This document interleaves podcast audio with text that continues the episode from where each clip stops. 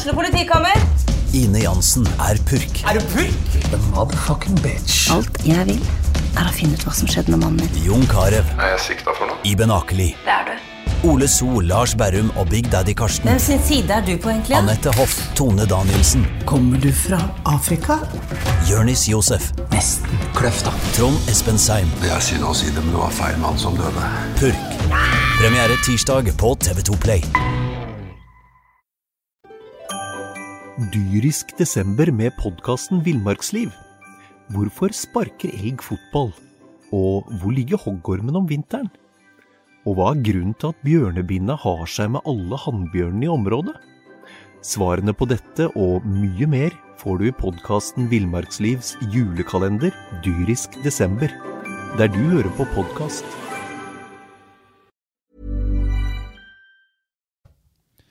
Vi ba om at Brann eh, måtte slå kraftig tilbake etter fadesen i Bodø. Og eh, her i Fotballpreik sitt studio så skal vi jo fastslå at det gjorde de. Du hører Jan Gunnar Kolstad har med meg eh, Mons Ivar Mjelde BR sin fotballekspert og eh, Einar Lundsør. For at Mons, eh, etter tolv minutter i går, 3-0, så tenkte vi at dette her blir jo akkurat det vi hadde bedt om. Ja, man kunne jo ikke få en bedre, bedre start og en bedre revansj etter ydmykelsen i, i Bodø. Eh, det er klart eh, Det hjalp jo på at Sandefjord ikke hadde møtt opp. Altså, ja, altså det, det, det gavepakkeforsvarsspillet som Sandefjord Jeg har ikke opplevd maken til naivitet. Og, og det, å, det å klare å gi Brann så mange brudd i den første omgangen, eh, det må bare Brann takke og bukke. Og det gjorde de. De takka og bukke. 1-0. Flott innlegg av Eh, Thomas Grøgaard, eh, fin bevegelse av eh, Robert Taylor. Vakker skåring. En skåring etter mitt hjerte. Så er man jo litt heldig på 2-0, sant? for der eh, er det jo egentlig tre brann som står i offside, og så kommer ballen fra en motstander, og da eh, etter corner, og da blir det 2-0. og Gilbert Konsum har jo et fantastisk flott eh, raid, og vi ser jo litt av speeden og farten hans når han eh, gjennombruddet før 3-0-skåringen, der han gjør alt sjøl. Det er nok eh, spiss vinkel, og keeper burde nok tatt det, men, men altså 3-0 til Brann etter ti minutter. og og det kunne jo blitt eh, etter spill og sjanser mye, mye mye mer. Men eh, det ble jo bare med straffesparket som eh, Vegard Forhen eh, deiste inn i ryggen på en Sandefjord-spiller, og så ble det 3-1. da. Men eh, Brann eh, eh, Det må være deilig for Lars Arne Nilsen og Brann å ta tre poeng mot Sandefjord i går. Ja, altså, Men den gavmildheten, eh, Einar, du som er fra Fredrikstad, har jo sett mye sånt eh, opp igjennom. Men, men eh, Jeg så det i går med Fredrikstad òg. Ok, ok, ja vel. Så det er noen som eh, kan matche Sandefjord der, men det var ille? Der Sandefjord kom? Ja, det er, det er nesten ikke sett maken, holdt jeg på å si. Jeg har jo sett maken, for jeg har jo sett min del av norsk fotball, men det var, det var spesielt, ja. Eh, og det, du, det er jo ikke tilfeldig, tenker jeg, at det er to spillende To spillende eks-førstedivisjonslag som nå renner inn bakover på i Sandefjord og Ålesund. Eh, de, de ser naive ut, begge to. De, altså Hvis du skal spille den type fotball, da, så må du i hvert fall treffe. altså Du må ha kvaliteten til å gjennomføre det. Da ser det jo bra ut. Da ser du Ja, men Sandefjord har Da jo ser du gjort- som Bodø-Glimt. Sandefjord har jo gjort dette her før òg, under Bohin òg. En sånn naivitet, eh, i hvert fall delvis. De, de vil være veldig spillende, men, men det, det, det faller gjennom i Eliteserien. Ja, altså Dette tok jo livet av Tromsø i fjor òg, og Valakari. Altså Han mista jobben, Tromsø rykte ned. Det er, mener jeg, først og fremst på en eh, på en, eh, det, det er litt sånn ubalanse i forholdet. så Det er liksom enten-eller. Jeg tenker det at eh, man må av og til finne den gylne middelvei. For du må skjønne det at du har kanskje ikke de aller, aller beste spillerne. Du skal opp og slåss med de beste i landet. Da må du tilpasse deg bitte lite grann. Det, det, den, de mangler litt den kynismen. eh, Det at når man er i trengte situasjoner, istedenfor å spille seg ut med en ekstra pasning, så er man litt mer direkte eller litt mer kynisk i Da unngår man en eh, haug med baklengsmål. Ja, for du skal være bedre enn William Kurtovic var i går for å kunne drive og trille ball eh, og eh, ta sjanser og vende opp i Ja, men, og, men jeg syns liksom at det, det, det blir liksom sånn for meg De bruker jo Medspillerne bruker jo han når han òg står under hardt press. Og det er ikke, det er ikke noe kompispasning, det heller. Så du må jo på en måte evne å se eh, hvor skal vi spille henne. Skal vi prøve å spille inn i noen ledige rom istedenfor å spille på feilvendte spillere som er under hardt press? Da ber du om trøbbel. Og Brann var på i går. Det er det, det første som slår meg fra første eh, fløytestøt. Det er at Brann ser ut som at alle er på samtidig. Altså Man var påskrudd. Man ville reversere dette. Det løptes samtidig. Vi sto høyt i, i gjenvinningspresset samtidig. Og når man skulle senke seg, så gjorde man det samtidig. Og så slo man nok litt av på gasspedalen når man leder 3-0, men jeg tror nesten de ble litt overraska, Brann òg, hvor lett de kom til 3-0 i løpet av ti minutter. For meg så var det på en måte to ting som var veldig synlige fra første, altså fra starta med en gang. Og det var egentlig eh, det, en, det som ble gjort uten ball. Fredrik Haugen høyt opp. Det har han gjort før, og det har Brann gjort før med hell. Altså Det så ikke ut som 4-3-3 eh, i det presset eh, i det hele tatt, fordi Fredrik Haugen gikk opp på Bama og trakk litt ut på sida. Stressa Sandefjord. Og så var det Tayo Tennis. det. Altså For meg så er jo 1-0-målet, så sier du innlegget er flott, og målet er flott fra Taylor. Men det flotte er jo det som skaper de første bevegelsene dine. Tayo-tenniste. løper opp og inn mot feltet, eh, drar med seg mann. Eh, hvis jeg husker rett, så, så, er det jo dårlig innlegg først. Og så kommer taklinga til Amror Dagic. Mm. Som er jo, mm. Eh, den må jo, den må jo eh, opp på et eller annet. Det skulle vært hatt uh, statue av den der, for den var helt fantastisk ja, fin. Så det er to nydelige ting som fører til det målet der. Og så får du da endelig se en Tayotiniste som faktisk tar offensive løp. Enten fordi han får lov til, lov til, det, eller fordi han endelig av en eller annen grunn gidder. Ja, men hvis vi La oss gripe fatt i den som kanskje var aller mest eh, på hugget. da. Det var jo en mann som fikk ekstremt mye kritikk her i oss i fjor, eh, Gilbert Komson. Men han har virkelig fått en uh, ny vår her. Han er, og, og, ikke bare er han uh, god offensivt, han jobber jo som en galeislave hjemme til Våg. Virker på meg som han er mer fornøyd. Han er vel blitt far òg. Nei, han har ikke blitt far ennå. Nei, det, er det skal, bli. skal bli. ja, skal bli. Han skal bli. Ja. Men, eh, men, OK, jeg, jeg syns han eh, Han ser mer leken ut. Han ser mer blid ut. Han ser litt mer sånn Litt mer sånn voksnere utgave. For det, tidligere så har han gjerne vært litt grann, eh, altså, prega av Sto jo og trakka på ballen i hele ja, fjor. Altså, nå får han brukt sine sterke sider. Sant? Gilbert er jo best når han kan angripe rommet foran seg. Og i går får han jo noen han blir satt opp av lagkameratene i gunstige situasjoner, altså rettvendt. Da er Gilbert god. Altså, Da er han et tog. altså. Han har tempo, han er god én mot én. Han må oftest mulig være rettvendt, oftest mulig ha nesa mot motstanderen sitt mål, gjerne med litt rom foran seg. Når man klarer å spille Gilbert inn i disse situasjonene, så er han jo blant de bedre i landet. Mm. Og, og, nå har man liksom fått eh, For det er jo fortsatt eh, Brann vil jo være, med den måten de spiller på, så vil man jo være veldig ofte eh, avhengig av enkeltspillere som Gilbert at de skal lykkes. Og Da må man prøve å sette de opp i, i situasjoner som de takler. Men det er klart, det hjelper jo på å, å produsere målpoeng. Det tenker jo jeg at for spillere som Bambas, Gilbert, Robert Taylor altså De vil på en måte bare bli bedre og bedre jo mer de er involvert i assist og mål. Det er, det er sånn det er Eh, og det, det, De er kommet eh, her for å på en måte produsere noe for Brann. Og hvis de liksom er ute i kulden og på tribuner og på benken og alle veier andre plasser enn på bane og prestere, så mister du de, sant? Det har vi vært inne på før. Når de er viktige for virksomheten, sånn som de er nå, så kan de være gnistrende gode. Og de kan bli enda bedre enn en enn de har vært til nå. Det er bare synd Gilbert Komson venter med storspillet til kontrakta er i ferd med å Ja, det kan du si.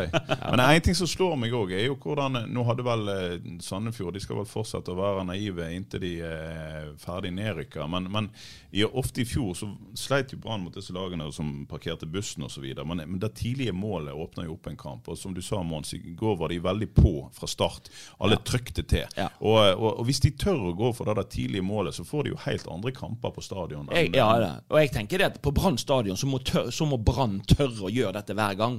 Altså De må tørre å gå i strupen på motstanderen. De må tørre. Da får du òg publikum med deg. Da får du den entusiasmen som vi skal ha. Eh, og, og, og jeg tror at uh, altså Publikum liker ikke å bare se på et hjemmelag som ligger bakpå og venter på motstanderen. på en måte. Det, det, de, de, ønsker å gå i strupen, at man skal gå i strupen. Man må løpe mer enn motstanderen. Man må på en måte være på alle sammen fra start av. Så tenker jeg at eh, man da òg får eh, Brann-supporterne mye mer med seg i, i større grad.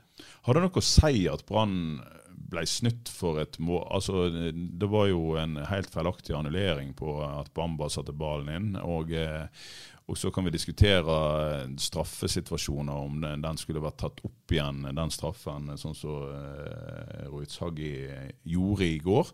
Eh, men har det noe å si at ikke det ble sånn 6-5-6-1, Einar? da hadde det jo vært kjekt. Nå skal jo heldigvis ikke Brann trekke publikum til stadion uansett. Eh, det er ikke jobbet deres i år. Eh, men eh, det hadde jo kanskje skapt litt mer litt mer håp, da. sånn at det resultatet, det det kunne gjerne vært litt penere for, ja, for det, det, det, burde jo vært det. burde vært den offsiden, Bamba-målet. er jo, altså, Det går an å vinke på det. Det er jo helt fantastisk flott gjort. Han prøvde jo å vinke på det 2-0-målet ja. til Komso nå, da ballen kom fra Sandefjord-forsvarer. Eh. Da var heldigvis Rohit Sagi våken nok til å se at det der er jo ikke offside. Um, så det var en aktiv linjemann, det må, det må man si. Men, ja, det er jo faktisk en assistentdommer òg som, eh, som, Jeg fant til slutt ut av dette her. For jeg, jeg, jeg så på Rohit Sagi, og, han, og det blir forklart dette her på straffen, hvorfor den blir tatt opp igjen. Og Han blåser jo ganske seint, så jeg tenkte her prøver du å unnskylde deg med at keeper gikk ut for streken, men det var altså en assistent som, ja. som markerte den òg. Ja, men det er jo sånn av og til, det må vi jo på en måte si til, til, til dommerne sitt forsvar, at de, det er jo et dommerteam til stede. Og av og til så får jo Det er jo dommeren som på en måte må ta siste avgjørelse, men han får jo innspill både fra sine linjedommere og fjerdedommer. Mm. Og det er klart at eh, sånn som det så ut i, i dette tilfellet, så eh, sant? Han gjør jo en veldig god avgjørelse når han overprøver linjemannen. Eh, sant? Ja. Eh, så eh, stoler han på linjemannen på Bamba sitt offside-mål. Ja, og det skal han. Og det, det må han, ja. Og, og, vi ser jo på linja etterpå at det er jo marginaler òg, selvfølgelig. Han, han kan være men, over, han kan, eh, det, det, er vanskelig å se på TV-bildet. Og, og, og, og straffen, så, så, tenker jeg at OK, hvis eh, en assistent har sett det bedre enn hoveddommer, så OK. Da, så, så, så, du kan på en måte ikke nagle helt eh, hoveddommeren for det som skjer på stadion. Nå ble det nå ikke direkte avgjørende, men tilbake til den andre. da, altså Du ser Bodø-Glimt nå, som har skåret 30 mål på sju kamper. Det er mm. over fire i snitt. Det er klart at eh, de er, de er, de bare maler på. Sånn. Så Brann Det blir 3-0 etter 10 minutter, så blir det 3-1 etter 90 minutter. Det er klart at hadde man hatt enda større kvalitet i, i, på dette her, så hadde, så hadde jo dette òg blitt 5-6. Så, mm. så det er klart eh, Men i går så tenker jeg at det viktigste var at man slo på en måte tilbake og tok tre poeng. Og Hvis vi ser tabellen nå, så er det jo to lag som har skilt seg ut. sant? Eh, og så kan du si at Brann har fått en god start sammen med resten. Eh, det Bodø-Glimt har holdt på med, er jo helt eventyrlig. 21 poeng på sju kamper. Eh, Molde har vært bare én uavgjort, så de ligger to poeng bak. Og så ligger jo det da Brann og Rosenborg og Kristiansund og disse rundt en 11-12-13 poeng. Så, så, det er jo det som er spenninga nå, da, sånn som det ser ut. Selv om eh, jeg er enig med Lars Arne at det er lenge igjen av sesongen. Men det er to lag som ser fryktelig sterke ut. Og så må ei gruppe med lag slåss om eh, bronsemedaljen og slåss om eh, Europacup og, og, det som er igjen etter at eh, de to øverste plassene er delt ut. Ja. Kan vi lese noe særlig? Vi, vi, eh, vi var nedtrykte, som hele Bergen var da, etter 5-0 i, i, sekken i, i Bodø. Men kan vi lese noe ut ifra den kampen i går? Altså, jeg tenker på Så svake som Sandefjord var, men, altså, men, men Brann trykker på, ja. de har, de har de enkeltspillere viser seg fram. Kan, kan, vi begynne å tro litt på bronsemedaljer, eller hva tenker du? Det er, en, er nå en, lang vei endog, men, men, men Brann bør jo ha mål om det. Og Brann bør jo ha en tropp som er sterk nok til å slåss om bronsemedaljer. Eh, så vil det nok varier, fortsatt variere litt fra kamp til kamp, men det som på en måte du kan ta med deg fra, fra gårsdagen, det er det er det at du skårer tre mål på ti. altså Det å skåre mål, det å vinne fotballkamper, det er jo det som gir en selvtillit og økt tro på det. Eh, eh, så får man jo Jeg er jo litt sånn spent på, på eh, Det jeg syns vi så når kampprogrammet var tøft. Det var et slitent brannlag. Nå hadde man fått ei uke på seg, sånn at i går så syns jeg at brannlaget var tilbake og sprudla. Eh, på en bedre måte. Så har man noen skader nå som bekymrer meg litt. Kolskogen ute med, med det som kan se ut som en strekk oppi på, på, i skinka. og det er klart, det det er ikke bra hvis det er andre som begynner å slite. Nå måtte Acosta gå ut i går. Hvordan er det med, med Vegard Forren hvis kampprogrammet blir noe tøft igjen? For det blir Altså, det jo. Forhen sant? tar seg jo til baklåret hver gang han strekker Ja, ut beinet. Det Nå er det kamp igjen på onsdag, og så er det kamp igjen til helga. Så det er klart at eh, eh, det det er det jeg syns at altså Når kampprogrammet ble tøft, så syns jeg at Brann hadde en nedadgående kurve. Jeg er ikke så bekymra for Brann hvis man på en måte får spilt en kamp i uka. på en måte. Da, da, da, da hadde jeg veldig tro på at Brann kan slåss med Rosenborg om, om den tredjeplassen. Men, men i et tøft kampprogram, så med skader og, og, og at folk blir, ikke klarer å ha den energien som man må ha for å vinne fotballkamper på dette nivået, så, så er jeg litt mer skeptisk. For det er vel sånn, Einar, at både meg og deg eh, hadde vel, altså vi to sammen hadde vel utgjort et eh, kjappere midtforsvar enn eh, Vegard Forn og Eggen Rismark, som kanskje nå blir stopperparet på onsdag. Ja, Da vet jeg ikke med deg, men Jo, jeg har litt det, det. Ja, nei, det, Fart i beina her. Det er jo, det er jo ikke bra. Eh, da er det jo, som vi har snakka før om, så har du ikke så veldig mye tempo på midten alltid heller, hvis ikke du har Petter Strand der. Eh, så du, du eh, Lars Arne Nilsen får et problem som han er godt klar over. Eh, Forhen og Rismark, da kan du ikke stå høyt, i hvert fall. Nei, kan og- du ikke stå høyt. Det blir litt utfordringen på bortebane, og nå er det Odd på bortebane. Hvis du da spiller med For det er klart at man vil stå høyt, man vil spille en gjenvinningsfotball, man vil gjerne det.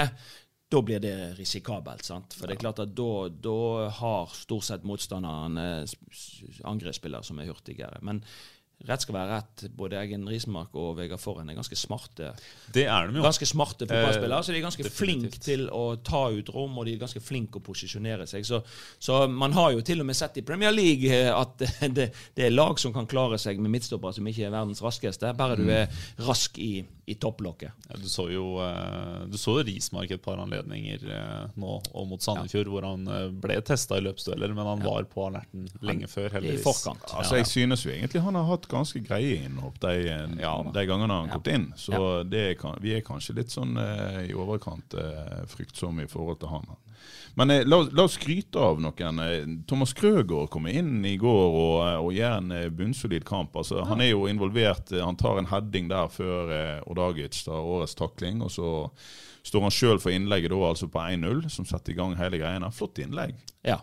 En veldig, han har jo en god venstrefot. og synes det var litt kjekt sånn at nå Ruben fikk jo kjøre så mye. Nå har jo Ruben vært bra eh, tidligere. Sist. Sant? Men, men sist var han jo ikke bra. Men det, men det var jo flere ting som ikke var bra i Bodø. Så, så jeg tenker det, det, det er noe historie. Ei, ei dårlig historie. Men, men eh, det er jo det er en trygghet for Lars Arne at når eh, han på en måte da velger å få hvile Ruben, sånn at han kan kanskje være klar til, til noe mer senere i uka, så, så har han en Thomas Grøgaard å, å ta av. Det er ikke alle klubber som er så godt stelt at når du tar ut en av eh, bjelkene, på en måte, så finner en på fort en annen bjelke. Sant? Så, så det, det er jo litt av eh, Brann sin styrke, at de har eh, ganske god dekning på de aller fleste plasser. Ja, og i så måte òg eh, Jon Helge Tveita kommer inn og, eh, og eh, viser at han fortsatt er en god fotballspiller Ja, han har i hvert fall et en god år fot. ute. Han har i hvert fall en god fot. Ja, det- Eh, og det viste han jo i Sarpsborg òg. Jeg syns det var fantastisk eh, altså han, han, han likte jeg godt når han spilte i Sarpsborg. Dyrisk desember med podkasten Villmarksliv. Hvorfor sparker elg fotball? Og hvor ligger hoggormen om vinteren? Og hva er grunnen til at bjørnebinna har seg med alle hannbjørnene i området?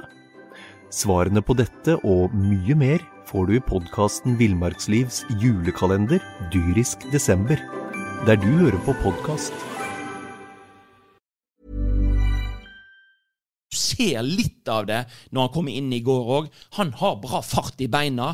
Han er villig til å gå i angrep. Det er så herlig når du ser backer som på en måte overlapper og, og, og liksom kommer inn og ikke tenker seg veldig om, men banker den ballen inn presist foran mål.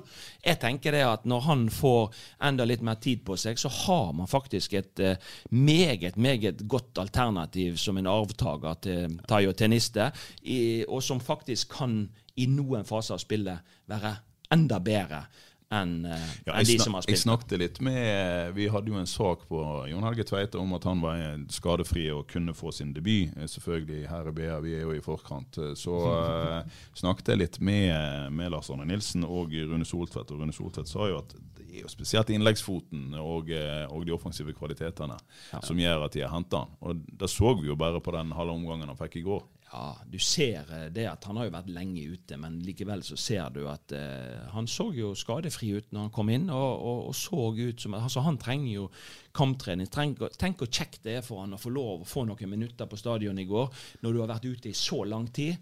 Så det er klart at eh, holder han seg skadefri, så er jo dette en spiller som eh, da, da kan det jo fort vise seg at den risikoen Brann tok ved å signere en skada spiller, den kan betale seg med at man har vært tålmodig med han, man har bygd han opp, og nå kan man begynne å, å høste av han igjen. da. Og Det er jo noe med det. altså Jon Helge Tveita var jo aldri en eh, spesielt sexy signering av Brann. Eh, men det var ikke Tayo til Niste den gangen heller. Neida. Husker vi rynka litt på nesa. og Ok, ja vel. Enda en, enda en aldrende fotballspiller inn som ikke gjør så stort ut av seg i det vi da omtalte som en ganske profilløs Brann. Men Tayo til Niste endte jo opp med å være en av hovedgrunnene bak Lars Arne Nilsens suksess. Ja.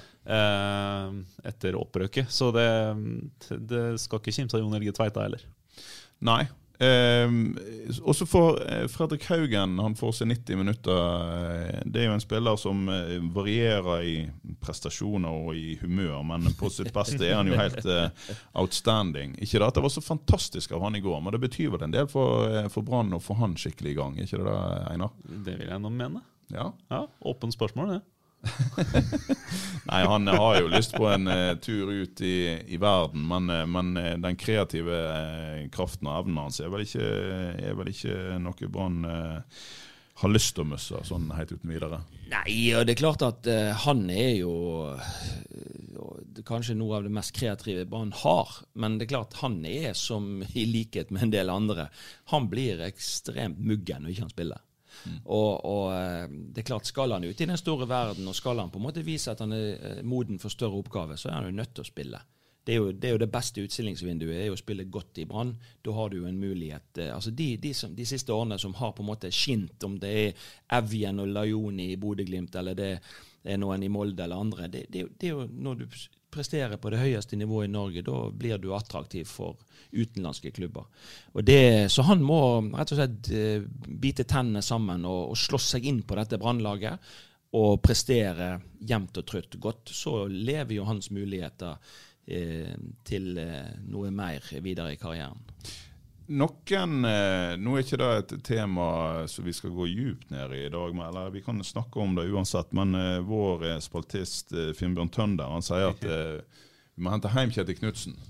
Om ikke nødvendigvis sånn i, morgen, men, men hva tenker du Mons? Altså, nå har jo Lars Arne Nilsen en kontrakt som går ut 2022. Men, men det Kjetil Knutsen driver med oppe i Bodø nå, bør vel få noen på stadion til å tenke seg om både én og to ganger.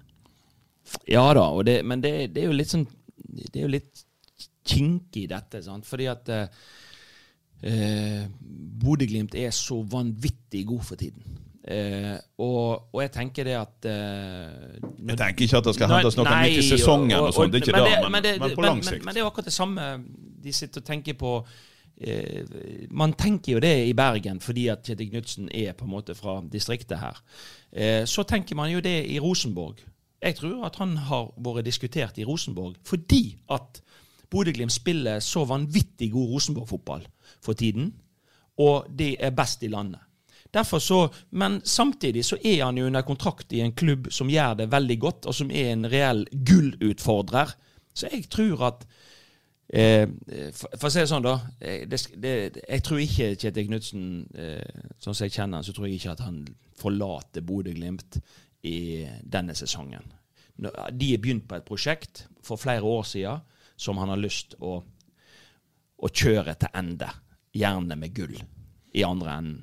Eh, men at han eh, vil være en god kandidat både til trenerjobben i Trøndelag og en god kandidat på sikt til trenerjobben i, i Bergen. For det er jo ingen tvil om at bergenspublikummet og vi som er glad i både Brann og god fotball, eh, vil, jo, vil, jo, på en måte vi, vi, er jo på søken etter det perfekte. Og, og selv om Brann vant i går mot Sandefjord, så er jo ikke det det, det, det, er ikke, det, er noen lag i Norge som begeistrer oss mer enn Brann først og fremst med måten de spiller på. Ja. Og en del av de spillertypene de, de evner å sette sammen. Og, og det, det, liksom det kollektive eh, maskineriet som, som, som, eh, som vi syns er så vakkert når pasningsspillet eh, og, og, de spiller ut motstanderen på en sånn Eh, herlig måte. Men, det men er en, det er jo en besnærende tanke. Jeg kjenner jo Kjetil Knutsen eh, relativt godt etter eh, lang tid som sportsjournalist. Og, og, han er jo en mann som eh, Det har han jo vist i Bodø. Han både må, men han vil òg gi unge sjansen. Og dette her har jo vært et problem i Brann i, i generasjoner. og eh, Ditt lag, ditt gullag var heller ikke prega av ungdom, og en har snakket så mye om presset på stadion og sånt. Men dette her er jo en mann som tusla ut dørene på stadion fordi at han eh, som toppspillerutvikler aldri fikk se disse ungdommene sine på A-laget likevel. Så gadd han til slutt ikke mer, eller konfliktene ble for store. Eh, men, men, dette er jo en mann som vil slippe til de unge. Det er jo en, det er jo en eh, kul tanke å tenke han på stadion. Han ville tørt å slippe til unge lokale spillere. Ja da, og mest sannsynlig hvis man på en måte har et mål om å få frem flere unge, så vil man få flere unge fram. Eh, eh, og han ville tørt det, men det er, ikke, det er ikke nok at en trener tør å gjøre det det er en hel klubb og en hel organisasjon som må stå bak. Ja. Og det må være en, en filosofi som ligger i, i, i bunnen. Det var det jeg skulle til å si. Han, og sånn som jeg òg kjenner han, så vil han vil ha viljen sin. Altså Han er ikke sånn som, sånn som lar seg pelle altfor mye på nesa. Du måtte gitt han en ganske stor grad av frihet, som ikke nødvendigvis finnes på stadion. Nei da, det er helt riktig. Og, og, og hva skjer hvis du har eh, lagt et løp, og så plutselig så går på vei til målet, så ikke resultatene er der helt. Så, så, er det jo historisk sett så er jo tålmodigheten liten både i, i Bergen og en del andre plasser. Og det, det er klart at da, må du på en måte legge en langsiktighet som, som skal føre til noe bedre. Og, og det, da, det, må du være trygg på at du har en hel organisasjon i ryggen på.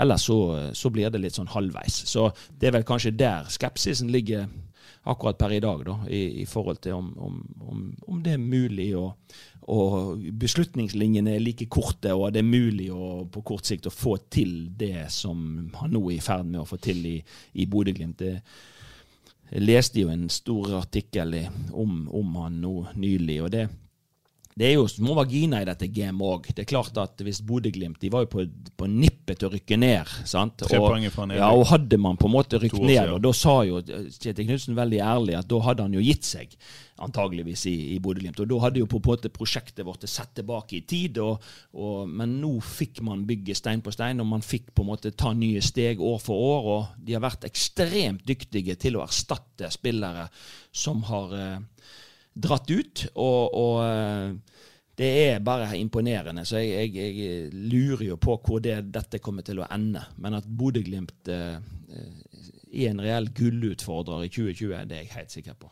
Vi kan jo allerede fastslå at vi i våre tips, eh, underskrevet av vår sportsredaktør Tormod Bergersen, har bomma grovt på Bodø-Glimt. Hadde de vel bak eh, Brann. Ja, og vet du hva? Eh, der har Tormod kjørt eh, sololøp, så vidt meg bekjent. Ja, ikke ja. Han, han, Nei, Vi pleier å ha en heftig diskusjon omkring disse her tipsene, men i år var det et diktatur. Tormod, shame ja. on you. Men, men, hva tenker du, Einar? Dette her som Knutsen og de driver med i Bodø, det kan jo det kan gå til gull. Det vært utrolig jo, altså, kult. Altså, det, er jo, det er jo et uh, resultat av langvarig satsing i Bodø-Glimt. Altså her har hatt en klubb med en rød tråd i veldig lenge, også før Kjetil Knutsen var inne i bildet der oppe i det hele tatt. Jeg leste Og så har jo Morten Kalvenes kommet opp òg. Mm. Og da, det er først da resultatene begynte virkelig å gå oppover, etter at Morten Kalvenes tok turen opp. Altså Det meste fyren der har tatt de siste åra, har eh, sett ganske bra ut, altså. Ja, og jeg gikk på, på prolisenskurs med, med Åsmund Bjørkan, og, og, han hadde jo foredrag om eh, Bodø-Glimt. og mm det er jo ingen tvil om at her har de jo en spillestil og en måte man skal gjøre tingene på,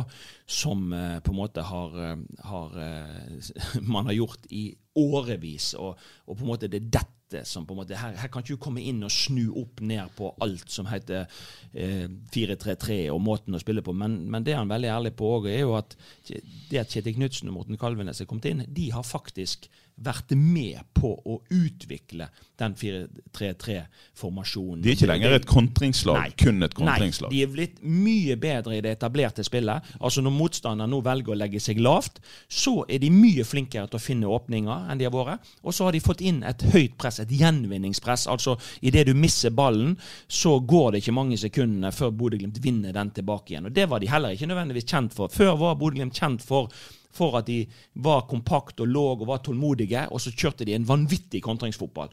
Men nå har de fått flere strenger å spille på, og det tror jeg vi kan takke mye disse bergenserne som er, som er kommet til Bodø. Ja, og Morten Kalvenes sin fotball altså etter 10-11-12 år i Arna-Bjørnar var jo eh, litt sånn som Bodø-Glimt spiller nå. Eh, og det er, eh, det prega litt mer ballbesittelse enn en den klassiske Bodø-Glimt-kontringsmaskineriet. Ja. Nå nevnte du Arna-Bjørnar, og eh, det gikk ikke så bra for damene i helga. Det var synd at, uh, synd at, Sandviken skulle tape for Lillestrøm da, på overtid. Mm. Det er jo en, en strek i regninga for et gulljagende Sandviken. En skikkelig strek i regninga, og du bør nesten Du bør unngå å gi de tre poengene vekk til LSK. Det er jo ikke sikkert det er LSK som er største nei. utfordreren nå heller. Så nei, den, den, De kunne den vel levd mot et, mot et mesterlag, så kunne de vel levd med uavgjort. Men ja, ja. Og, og, sant? Eh, fordi at da får heller ikke det andre laget så mange poeng. Men, men, det er vel noe med det at dette ble litt sånn dobbeltstraff, på en måte. Når det skjer på overtid i tillegg, så, så, svir det litt ekstra. Så, så Patrick må, må, krumme nakken og gå på igjen. Eh, det, men det, det, er nok et tap som, som svir for Sandviken. Ja, det var ikke noen verdens fotballkamp heller, så han har litt å jobbe med. Ja. Ja. Men eh, Renate Blindheim, den mye ja. omtalte 26 år gamle eh, vesle dama, uten å være eh, få noe metoo på meg her så, Jeg har snakka om det sjøl òg. Ja, ja, hun er jo Nei da, der er vi er 56 på strømpelasten, men dundra inn i toppfotball her med en seier med Sotra borte mot Fram.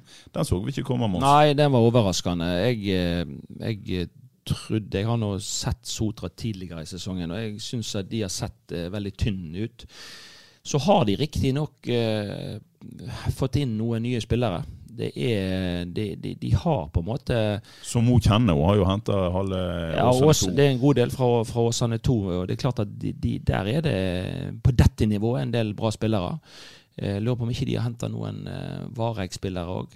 Eh, og det er, det, det er, spillere som jeg tenker har gjort eh, Sotra bedre. Men at de skulle slå fram Larvik borte i første kamp, og etter å ha lagt under 1-0, det, det, var en stor overraskelse. Så får vi jo se um, i fortsettelsen. For det er klart at uh, disse andredivisjonsavdelingene de er tøffe. altså, og Det er mange kamper som skal spilles før man teller opp til slutt. Men det må jo være veldig bra for Sotra, som på en måte er dømt litt nord og ned, at de iallfall starter sesongen med, med tre poeng. Ja.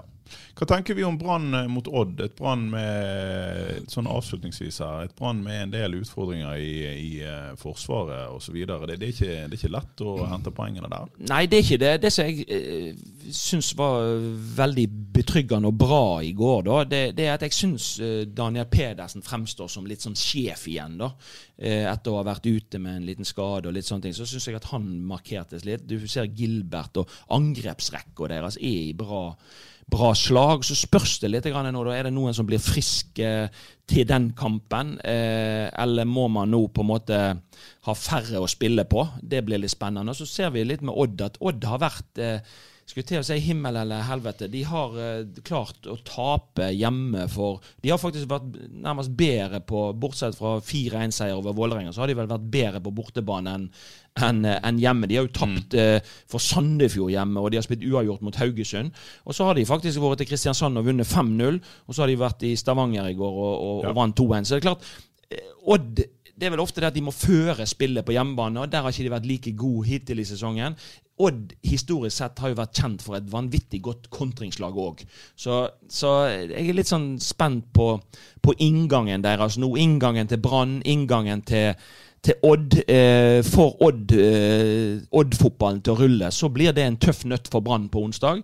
Men eh, samtidig så er dette Odd-laget nå uten Torgeir Børven og, og, litt sånn de, de, er litt sånn enten-eller. De kan være veldig gode på gode dager, men de kan òg eh, være et lag som Brann hamler opp med på, på onsdag.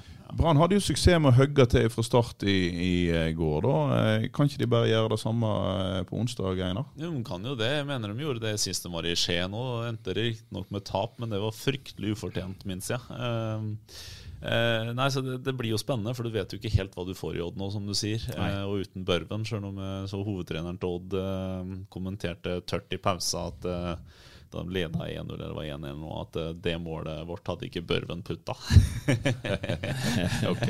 Så det, noe, det, virker som det er ok stemning der, da, sjøl om eh, gutten, Øystese-gutten har dratt. Eh, nei, det, det, er litt bingo hva du får der, tror jeg. Ja, for det er en del unggutter som er på vei inn òg i det Odd-laget. sant? Og det er klart at når du da så, så, så, Sånn sett så skulle det vært en fordel Brann. Brann har jo mindre unggutter, men de har rutinerte, garva Eh, eliteseriespillere. Og, og, og, sånn sett så mener jeg at det er ingen grunn for Brann å reise til Skien og liksom være eh, underdog, eller noe du skal liksom være redd for noe som helst. Altså Brann bør eh, Eh, ut ifra tabellposisjon og alt. Eh, de møter, reiser til Odd med, med tru på at de kan eh, slå de, altså. Nei, Det er ingen grunn til at Brann skal reise til Skien og tenke på noe annet enn tre poeng. Nei. Det er det ikke. Nei, og at de må ta kommandoen ja. på kampen. Det at de ikke overlater det til, til hjemmelaget. Nå er det ikke noe sånn udelt eh, fordel, hjemmebanefordel. Og Vi ser jo i hele fotballverdenen at resultatene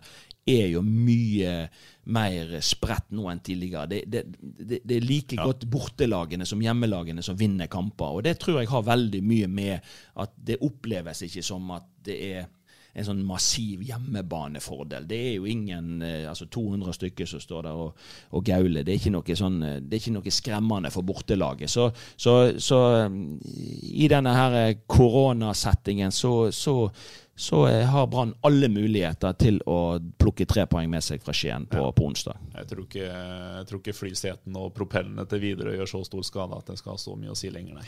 nei. nei. Du eh, bør abonnere på Fotballpreik i iTunes og Podbean, og der du henter dine, dine podkaster. Vi er tilbake eh, før du aner det, og i hvert fall eh, neste uke etter startkampen. Begynnelsen der på mandag, kanskje. Og eh, med det så sier vi takk for i dag. Preges. Ha det bra. Dyrisk desember med podkasten Villmarksliv. Hvorfor sparker elg fotball? Og hvor ligger hoggormen om vinteren? Og hva er grunnen til at bjørnebinna har seg med alle hannbjørnene i området? Svarene på dette og mye mer får du i podkasten Villmarkslivs julekalender dyrisk desember der du hører på podkast.